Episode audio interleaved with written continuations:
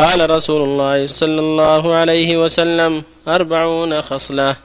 أعلاها منيحة العنز. ما من عامل يعمل بخصلة منها رجاء ثوابها وتصديق موعودها إلا أدخله الله بها الجنة. رواه البخاري. الثالث والعشرون عن عدي بن حاتم رضي الله عنه قال سمعت النبي صلى الله عليه وسلم يقول اتقوا النار ولو بشق تمرة متفق عليه.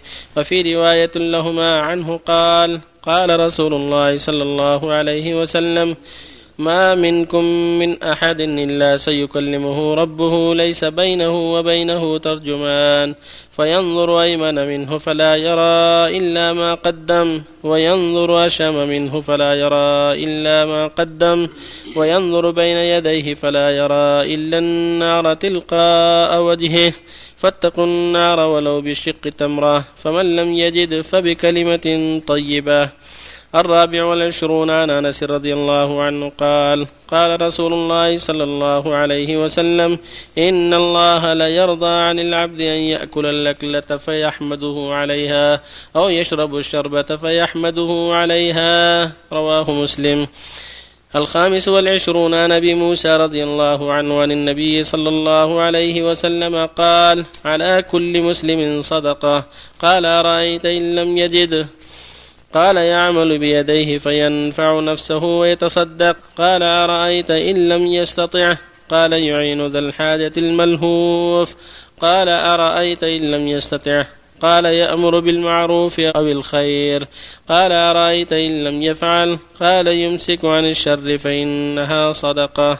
متفق عليه.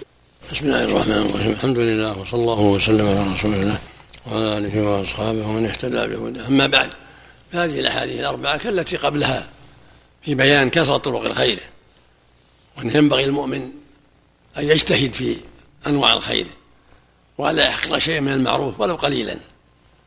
ويكفي في هذا قوله جل وعلا فمن يعمل مثقال ذرة خيرا يره مثقال ذرة. ويقول سبحانه إن الله لا يظلم مثقال ذرة وإن تك حسنة يضاعفها ويؤتي من لدنه أجرا عظيما.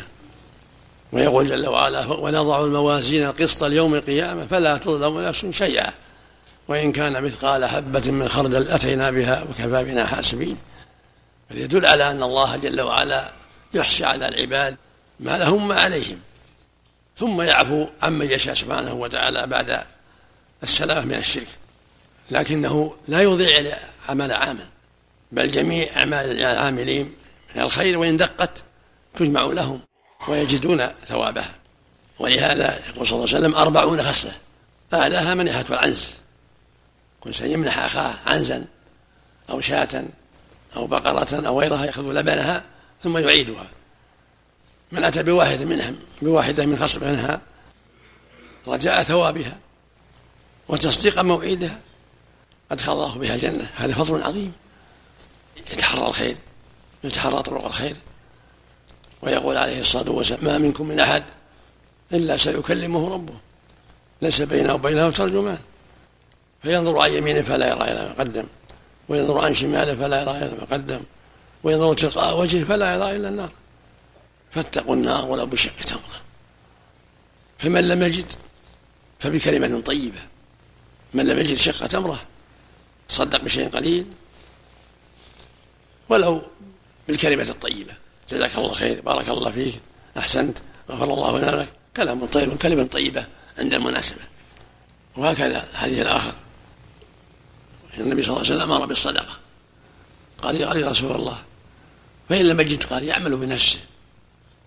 يعمل ويتصدق. قال فإن لم يستطع قال يعين الحاجة الملهوف. قال فإن لم يستطع قال يأمر بالمعروف وينهى عن المنكر. قال فإن لم يستطع قال يكف شره عن الناس. يكف شره يمسك شره عن الناس. صدقة.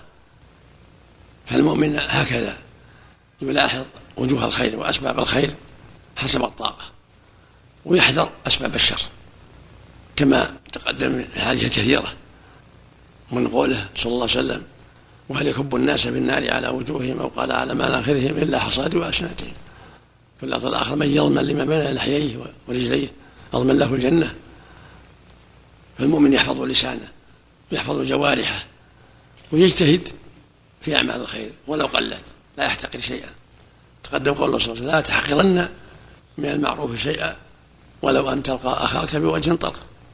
وفق الله الجميع صلى عملك يا شيخ لو مات الشخص سواء كان نصرانيا أو يهوديا وله أعمال إنسانية أو خيرية هل تنفع صلى عملك؟ يقول النبي صلى الله عليه وسلم إن الكافر إذا عمل حسنة أطعم بها طعمة في الدنيا حسناته يجزاها بها في الدنيا.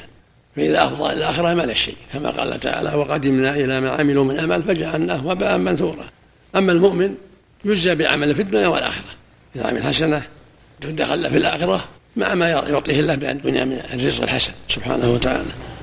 فالمؤمن يجزى في الدنيا والآخرة.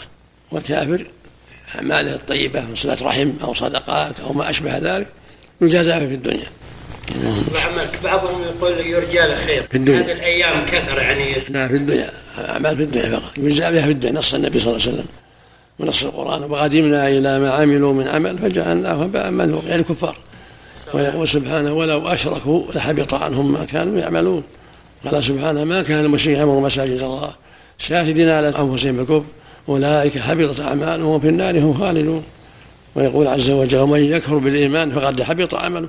وهو في الآخرة من الخاسرين. رواه مسلم في الصحيح. يقول إن الكافر إذا عمل حسنة في الدنيا أطعم بها طعمة في الدنيا.